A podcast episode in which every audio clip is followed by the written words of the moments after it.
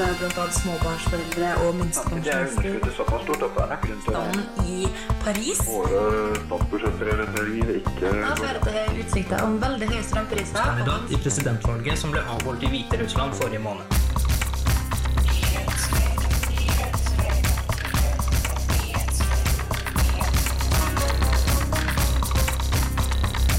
Nyhetsfredag.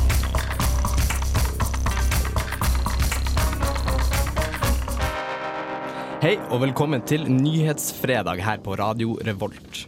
Jeg heter Egil Ytrehus og skal være programleder for dere her i dag. Og med meg i studio har jeg Helene Hvidsten. Hei. Hei du. Eh, I dag så skal vi sette fokus på datalagringsdirektivet. Og vi skal få besøk i studio av Ann Sætnan, som er professor ved Sosiologisk institutt. Men eh, vi skal også spille litt god musikk. Vi eh, kjører på med Balkan Beatbox med Move It. Nyhetsfredag.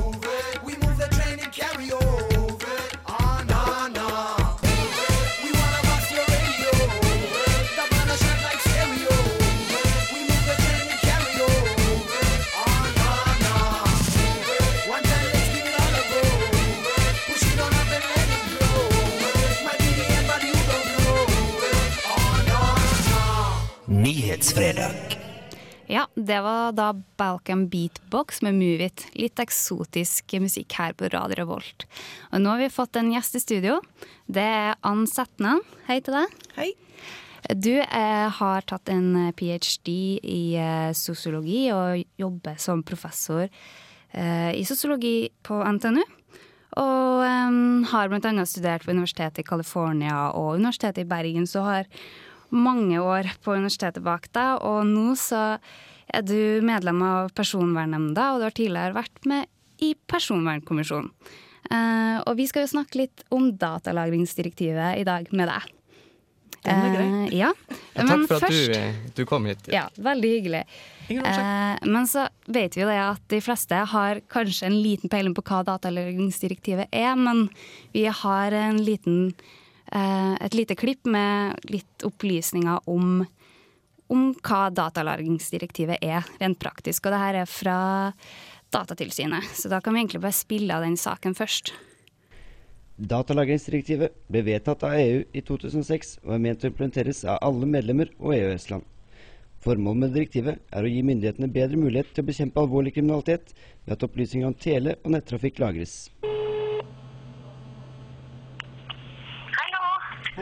For deg innebærer dette at det skal lagres informasjon hver gang du kommuniserer via telefonen. Følgende opplysninger skal da lagres. Hvem som kommuniserer, hvem som mottar kommunikasjonen, og når kommunikasjonen foregår. Det skal også lagres hva slags teknisk utstyr som tas i bruk. Da registreringsnummer på mobilen og registreringsnummer på SIM-kort. Dataen skal registreres både når det kommuniseres via tale og via tekst. Men det er ikke bare informasjon om hvem og hvordan en kommuniserer som skal lagres. Det skal også lagres lokalisjonsdata som viser hvor den som kommuniserer befinner seg mens kommunikasjonen tar sted. Når det kommuniseres via telefon, krever datalagringsdirektivet altså lagring av følgende informasjon. Når du kommuniserer og hvor lenge, hvem du kommuniserer med, hvor du befinner deg når du kommuniserer, og opplysninger som identifiserer telefonen.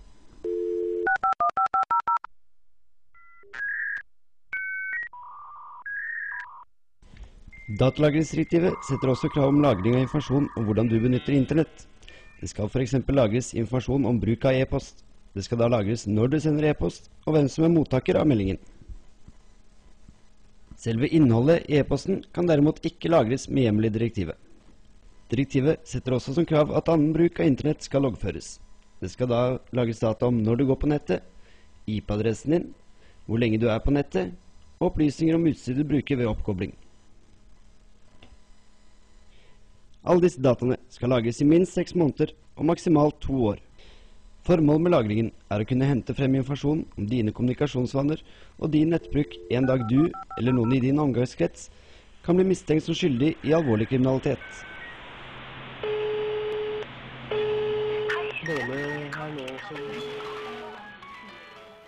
Yes, det var eh, kort fortalt hva data, eh, datadirektivet egentlig innebærer. Men har du noe å tilføye? Uh, ja, kanskje litt fortolkning av det der som vi har fått vite fra Datatilsynet her. Altså de uh, Du hører jo også fra politiet at vi må ikke misforstå dette. Det, uh, det understrekes at det lagres ikke innhold. Det er ikke innholdsdata, det er kun trafikkdata.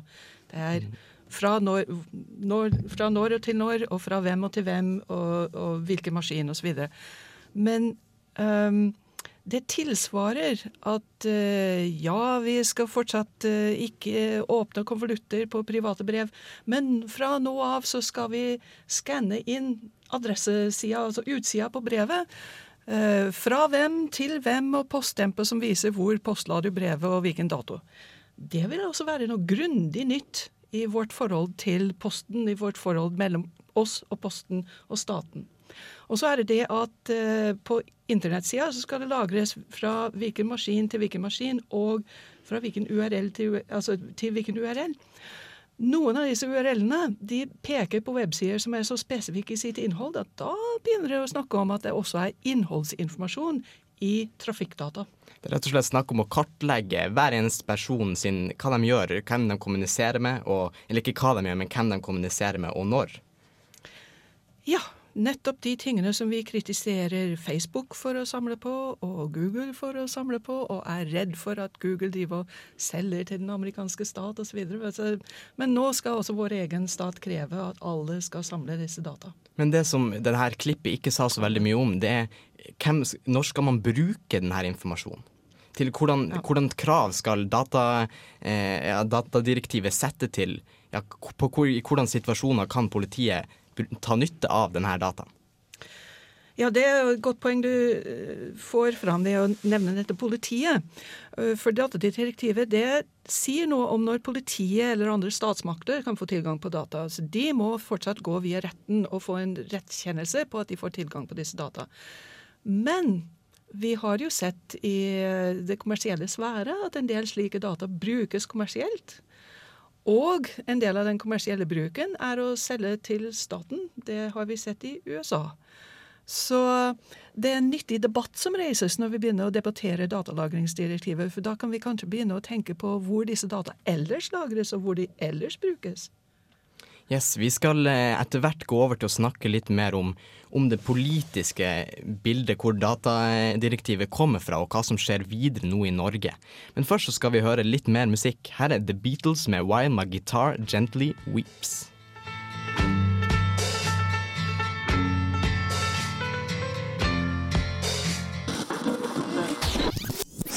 Du hører på Nyhetsfredag her på Radio Revolt, og temaet er datalagringsdirektivet. Ann Sætnan er med oss her i studio og eh, diskuterer. Eh, datalagringsdirektivet kommer jo egentlig fra EU. Og hvis eh, Norge ikke skal ja, innføre datalagringsdirektivet, så må Norge bru bruke reservasjonsretten, som Norge aldri har brukt overfor EU. Eh, Så Ann han har vi egentlig noe valg? Kan vi velge om vi skal innføre det direktivet her, eller må vi det? Det her har Advokatforeningen kommentert i sin høringsuttalelse til eh, datadirektivsaken. Og de påpeker at den tyske forfatningsdomstolen eh, konkluderte tidlig i mars at eh, datalagringsdirektivet var forfatningslovstridig. Eh, så Tyskland har visst tenkt å, å, å protestere mot hele dette. Det er fortsatt strid innad i EU om hvorvidt dette er lovlig. Og eh, dermed så vil ikke Norge nødvendigvis stå alene. Eh, Norge kan kanskje bare hale ut tiden og avvente hva som vil skje internt i EU på denne saken. Ja. Ja, men eh, hva innebærer en, innføring, en eventuell innføring av datalagringsdirektivet i Norge?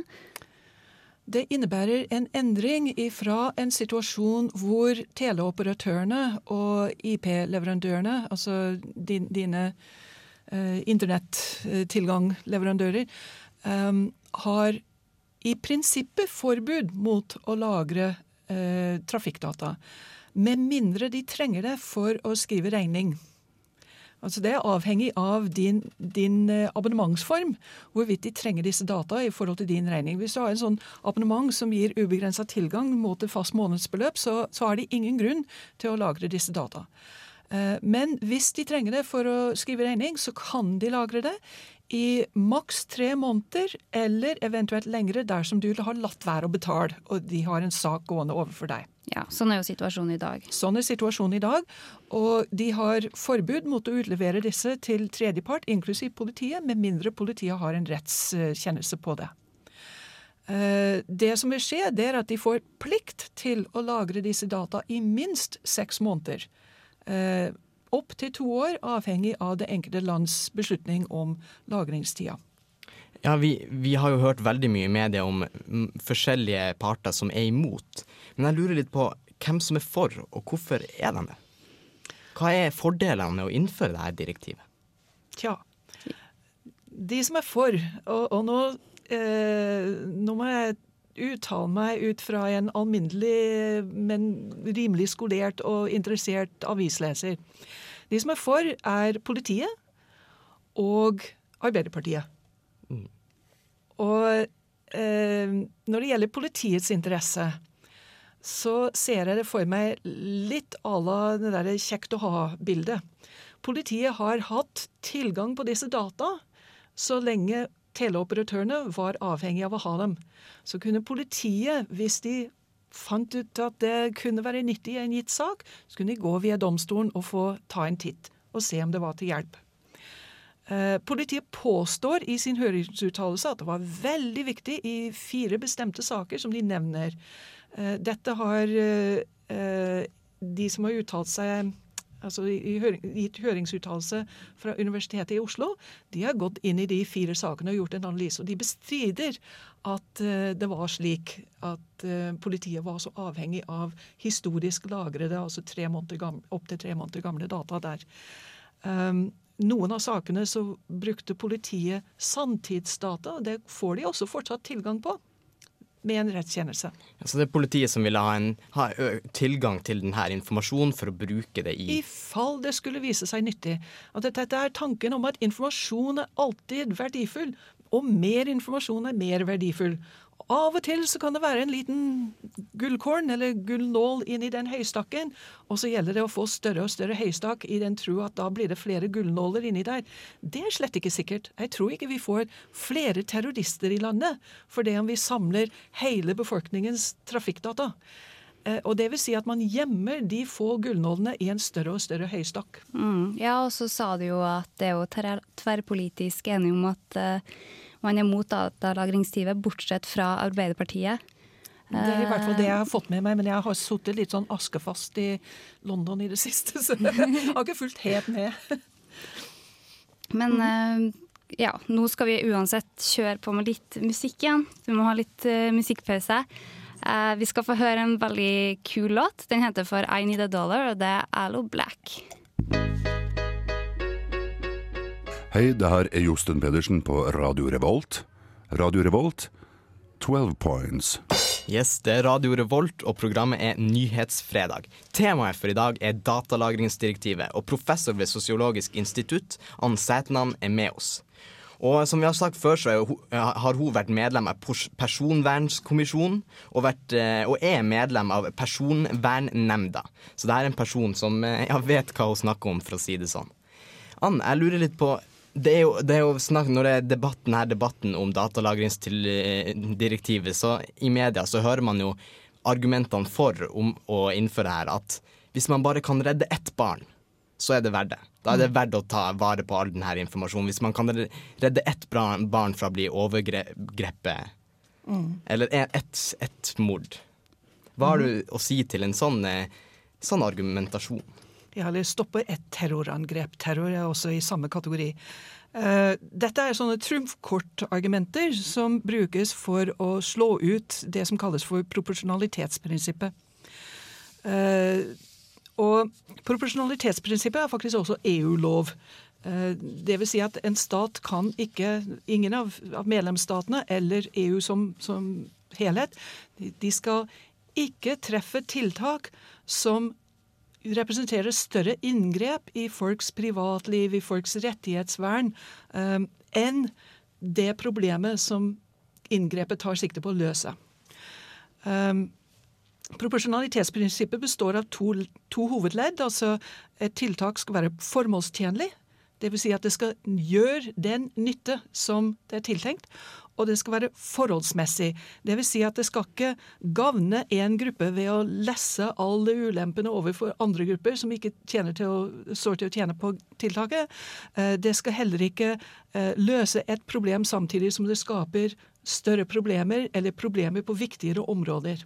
Så du mener at datalagringsdirektivet bryter med dette prinsippet? Det er dette som det tyske forfatningsdomstolen eh, går inn og sier. Altså De sier at ja, men dette tiltaket er ikke så effektivt. Og det er mulig å løse de samme problemer ved å ta i bruk tiltak som vi allerede har tilgang på, og som gjør mindre inngrep i folks rettigheter. Og Det vil si at det bryter med eh, proporsjonalitetsprinsippet. Men så kan man skape en slags moralsk panikk. Ja, men terror, terror, terror! Eller overgrep over barn og utveksling av barneporno. Og så ser man bort fra proporsjonalitetsprinsippet. Ja, det her er jo et sånt veldig viktig Det her er jo en prinsippsak. en Ser du noen andre prinsippmessige motargumenter mot dette direktivet? Ja, da må du gå inn på Altså du kan bruke pors- pors- proporsjonalitetsprinsippet til å åpne opp forskjellige andre dåser igjen. Du kan si hva er det for andre interesser som blir skadelidende? F.eks. For eksempel, trafikkdata kan brukes til å avsløre eh, varslere, altså whistleblowers. For da kunne du finne ut hvem var det som ringte, hvilken telefon var det som tok kontakt med mobiltelefonen til den journalisten den dagen. Og det kan da være eh, vissheten om at sånn kan man spores opp, på tross av at eh, journalisten sjøl vil hevde kildevern osv. Men vissheten om at det går an å gå bakom den journalisten og finne ut hvem som lekka, det kan skremme folk fra å varsle. Og så spørs det risikerer vi å miste flere liv ved at vi mister varslere, enn det vi nå mister til terror. Hvor mange norske liv har gått tapt til terror det siste året? Og hvor mange liv har gått tapt i saker som vi er i ferd med å nøste opp takket være varslere? Sånn som Bærums sykehussaken nå, som er blitt åpna opp, og der de finner at ja, underlig måte å, å føre ventelister på, og kanskje det til og med er folk som er dødd unødvendig, eh, altså pga. unødvendig sein behandling. Så du sier det at datalagringsdirektivet kan få en del eh, negative konsekvenser, og som går utover ut på andre områder. Nemlig. Og så har jeg lyst til å være litt grann kritisk her nå, da. Fordi eh, altså er det sånn at en del av de her prinsippene kan vike til fordel for hensyn som f.eks. Altså ytringsfrihet, eller i dette tilfellet kriminalbekjempelse mot terror. Det er alltid en avveining mellom ulike interesser, og det er noe av det som vi møter i f.eks. Personvernnemnda. Vi får inn en sak som sier at ja, her står Uh, ytringsfriheten opp mot personvernet, og så er vi nødt til å treffe en avveining. Og det finnes instanser som treffer de avveiningene, særlig uh, i, i retten. Eh, Så det er alltid en sånn avveining, og det er det proporsjonalitetsprinsippet skal gi noen sånne rettesnorer på hvordan man foretar de avveiningene. Eh, Jeg er litt interessert i de juridiske, på en måte prinsippmessige eh, motargumentene mot datalagringsdirektivet. Hvis vi nå innfører det her datalagringsdirektivet, hvordan, ja, hvordan eh, en barriere er det egentlig vi, vi, vi bryter, for å, for å si det på den måten? Det, det har jo blitt argumentert med at det her er å mistenkeliggjøre en hel befolkning. Hva tror du om en sånn argumentasjon? Der vil politiet si at du er ikke mistenkt for det er mistenkt. Altså Det å samle disse data det er bare et, et potensial for å undersøke deg den dagen du blir mistenkt.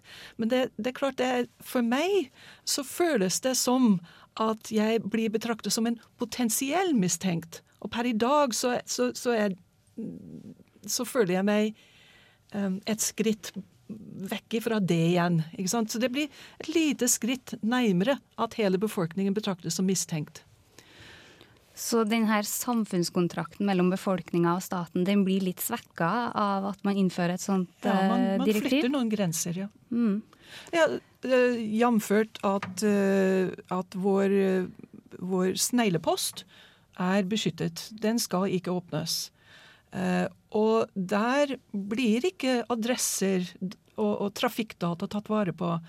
Og så for Den gang vi hadde debatt om dette i Personvernkommisjonen, så var de som var i utgangspunktet mest vennlig innstilt overfor, altså var villige til, til å vurdere datalagringsdirektivet og, og politiets sine interesser i det. De sa at jo, men det er så vanskelig. Altså det, det blir jo aldri tatt bilde av alle konvolutter og sånt, for det, det blir for kostbart. Det, det er for vanskelig. Men disse data ligger der jo.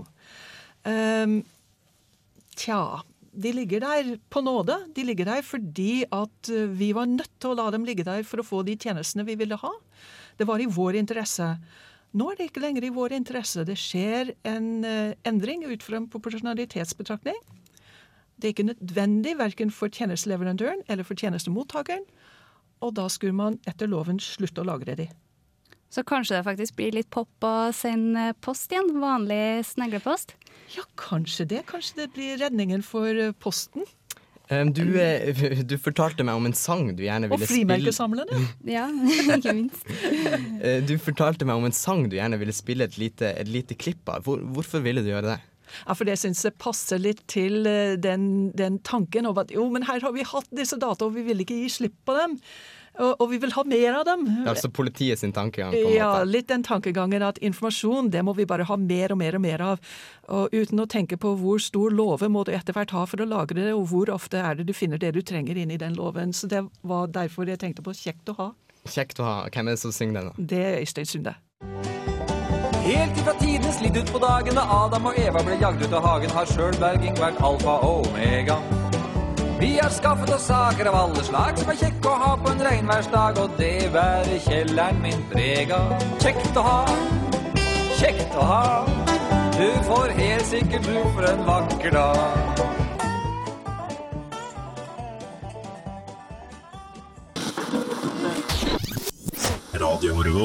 Og det er Nyhetsfredag som er programmet. Eh, vi, temaet for i dag det er datalagringsdirektivet. Eh, professor Ann Sætnan ved Sosiologisk institutt er med oss i studio. Og eh, i siste, siste del av, forrige del av programmet så snakka vi litt om, om det her med post.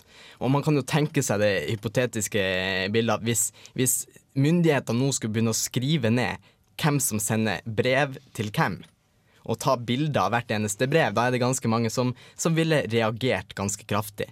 Eh, og det er jo på en måte det her datalagringsdirektivet går ut på, bare, bare at det er elektronisk post. Men eh, man kan jo spørre, spørre spørsmålet Hvorfor være nervøs for at eh, myndighetene passer på hvem du eh, sender post til? Hvis du ikke har noe å skjule, så trenger du vel ikke å være nervøs? Ja, eller du kunne stille spørsmål omvendt. altså Hvorfor er folk så passive overfor denne saken? Men det er kanskje nettopp fordi uh, mange tror at uh, har vi ingen, jeg har ikke gjort noe galt, altså har jeg ingenting å skjule, altså har jeg ingenting å være redd for. Og til det vil jeg si flere ting.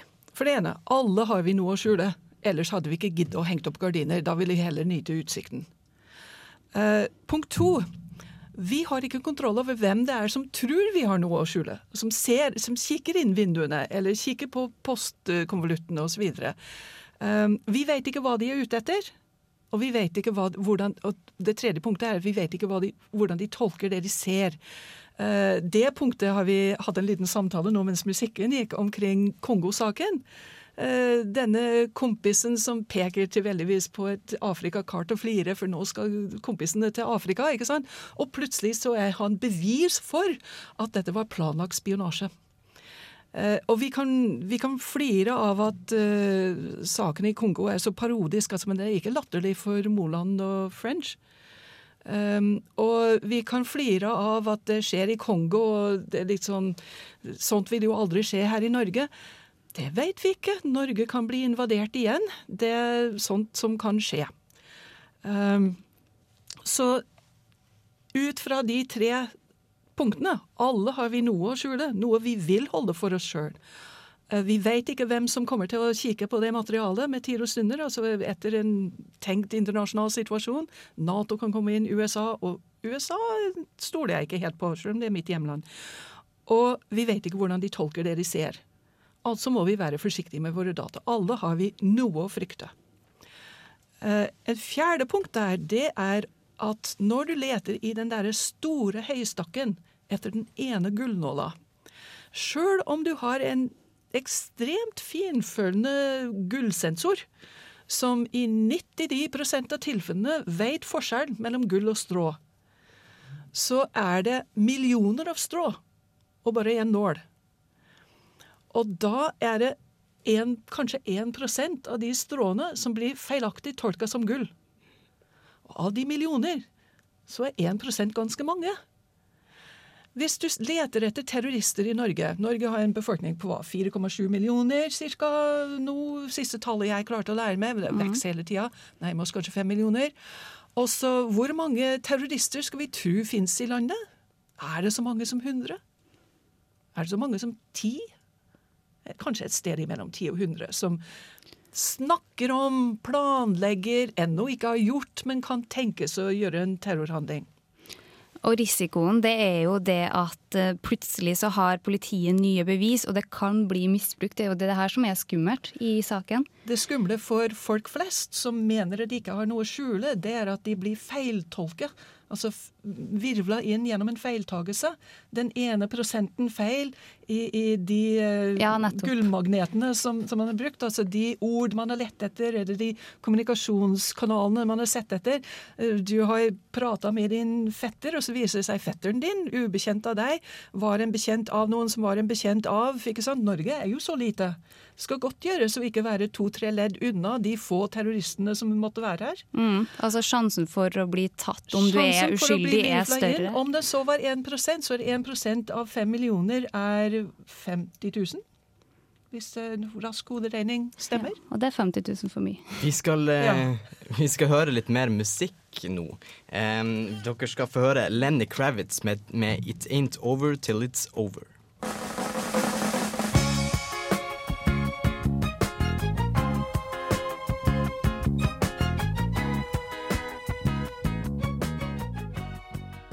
Nyhetsfredag.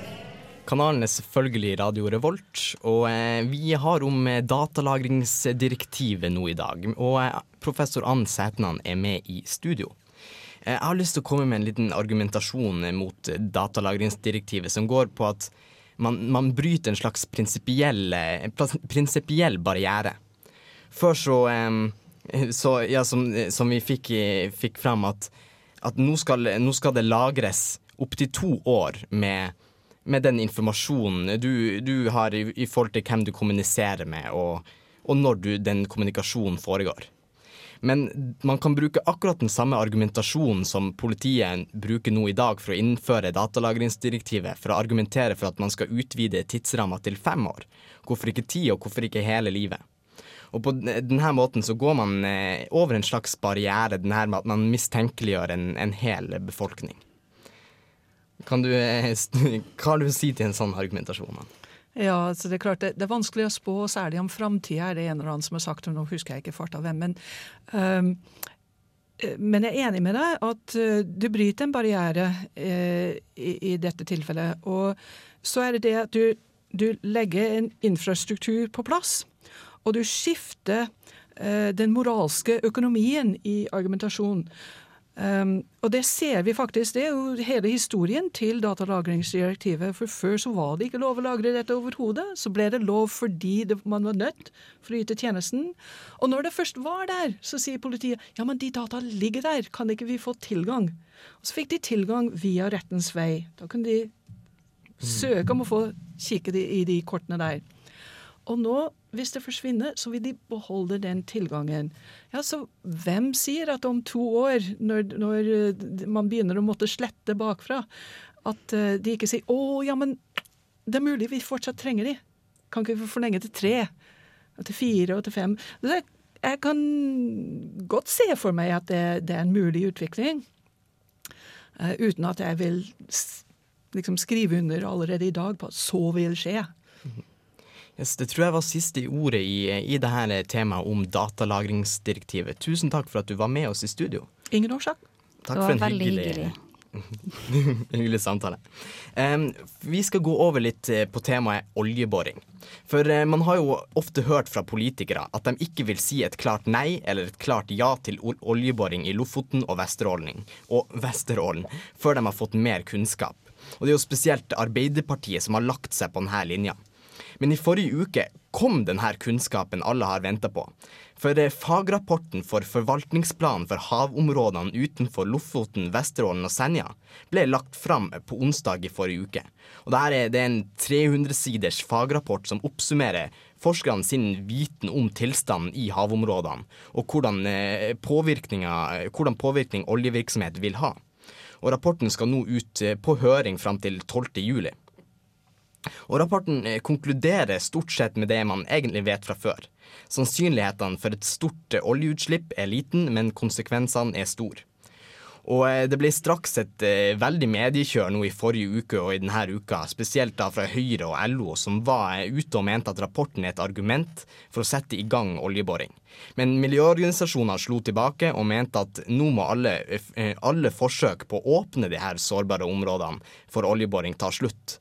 Så har man tolka denne rapporten på veldig ulike måter. Og det store spørsmålet i denne saken eh, nå fremover er selvfølgelig hvor Arbeiderpartiet havner, og hvor viktig saken viser seg å være på dem, for dem, om de er villige til å kjøre over Senterpartiet og SV. Men eh, også NTNU-professorer er delt i synet på oljeboring. Nå skal få dere høre en reportasje av Magnus Johansen. Med et av Norges mest uberørte naturområder og landets viktigste gyteområde for torsk som bakteppe, går nå diskusjonen om vi skal starte oljeboring i Lofoten og Vesterålen. I denne sammenhengen hadde NTNU invitert til møte for å belyse problematikken rundt oljeboringen. Hvis det er noen problematikk, da. Å si at det var enighet blant de tre inviterte foredragsholderne om dette temaet, blir i hvert fall feil å si. Og til min overraskelse var det biologen Egil Sakshaug av de tre som fremsto som den som var mest positiv til oljeboring. Ifølge han var det nemlig ikke noe spesielt med Lofoten som gjør området mer sårbart enn andre områder. Jeg finner ikke området veldig spesielt sånn sett. Men det er klart at noen er redd for at det skal gå hardt utover uh, torskefisket og den slags. Og da er det ikke torsken i seg selv som er så spesiell, men det er den kulturen som har oppstått rundt det. Det er det vi tenker på som spesielt. Det er først og fremst to grunner til at torskefisket ikke er spesielt trua, selv om det skulle forekomme oljeutslipp i Lofoten, skal vi tro Sakshaug. Det første er at torsken ikke er avhengig av Lofoten for å kunne gyte. Torsken har gode gytemuligheter helt ned til Mørekysten.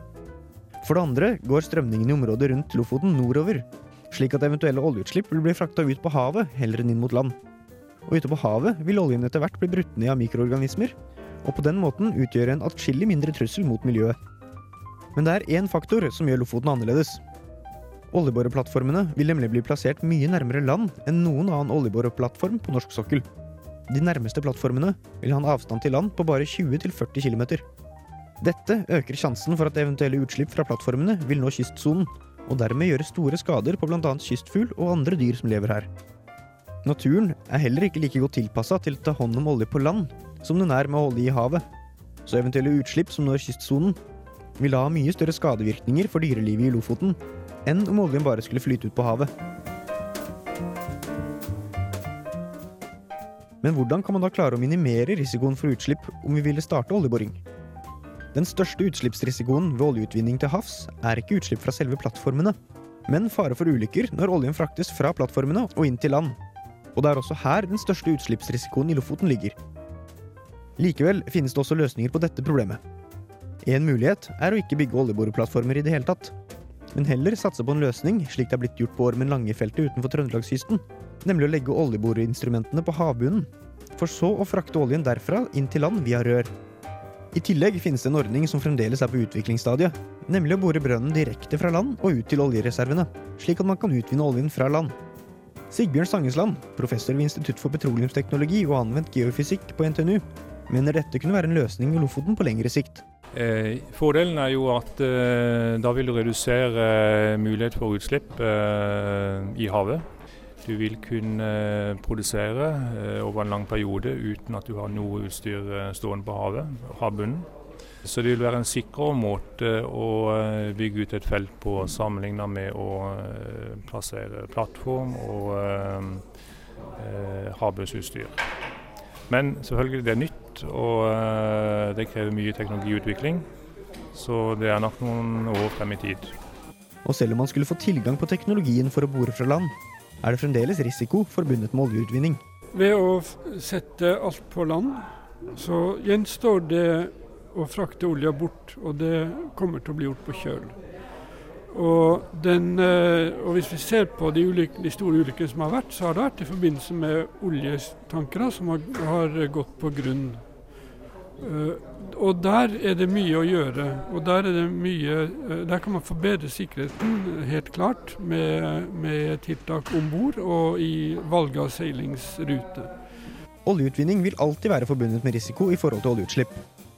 Men moralen fra møtet var likevel at det ikke var veldig mye større risiko forbundet med oljeutvinning i Lofoten enn det er andre steder.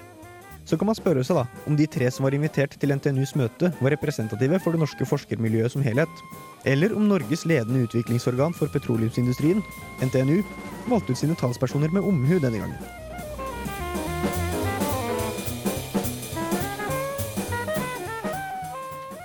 Det var altså eh, oljeboring i Lofoten som var eh, saken der.